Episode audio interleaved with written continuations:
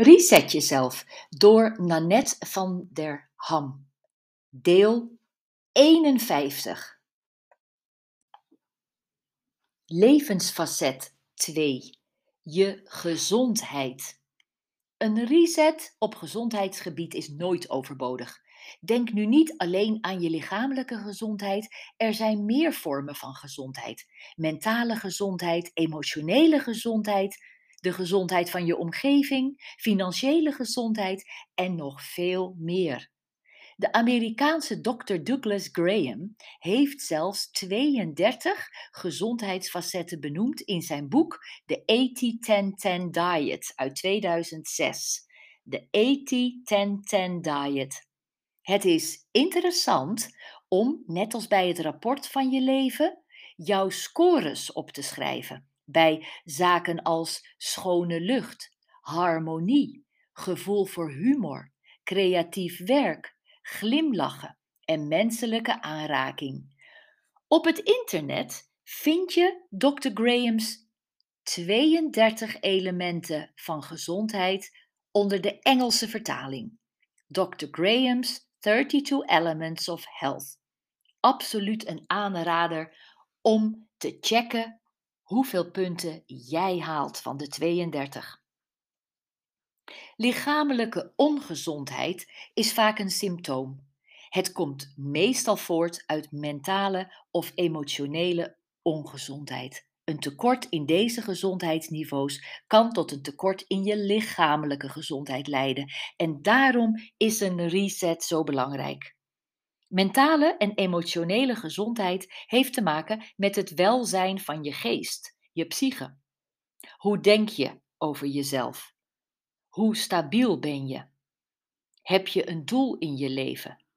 Waardeer je jezelf? Heb je zelfvertrouwen? Ben je tevreden? Lach je vaak? Kun je goed ontspannen? Ben je nieuwsgierig naar nieuwe dingen? Een hele lijst. Maar kijk nog eens goed. Herken je de levensfacetten van de reset? Bijvoorbeeld levensdoel, ontspanning, relatie, geld. Het heeft allemaal te maken met hoe gezond jij je voelt. Lichamelijk, mentaal en emotioneel.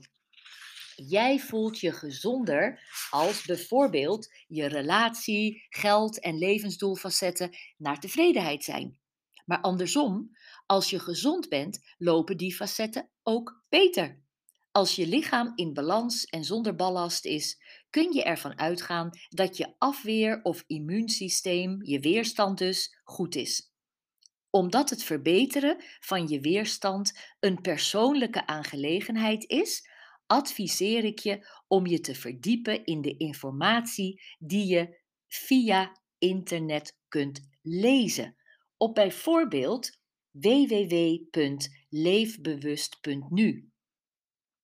Heel veel tips. En je huisarts kan je een bloedonderzoek laten ondergaan. Kom op, onderwijs jezelf.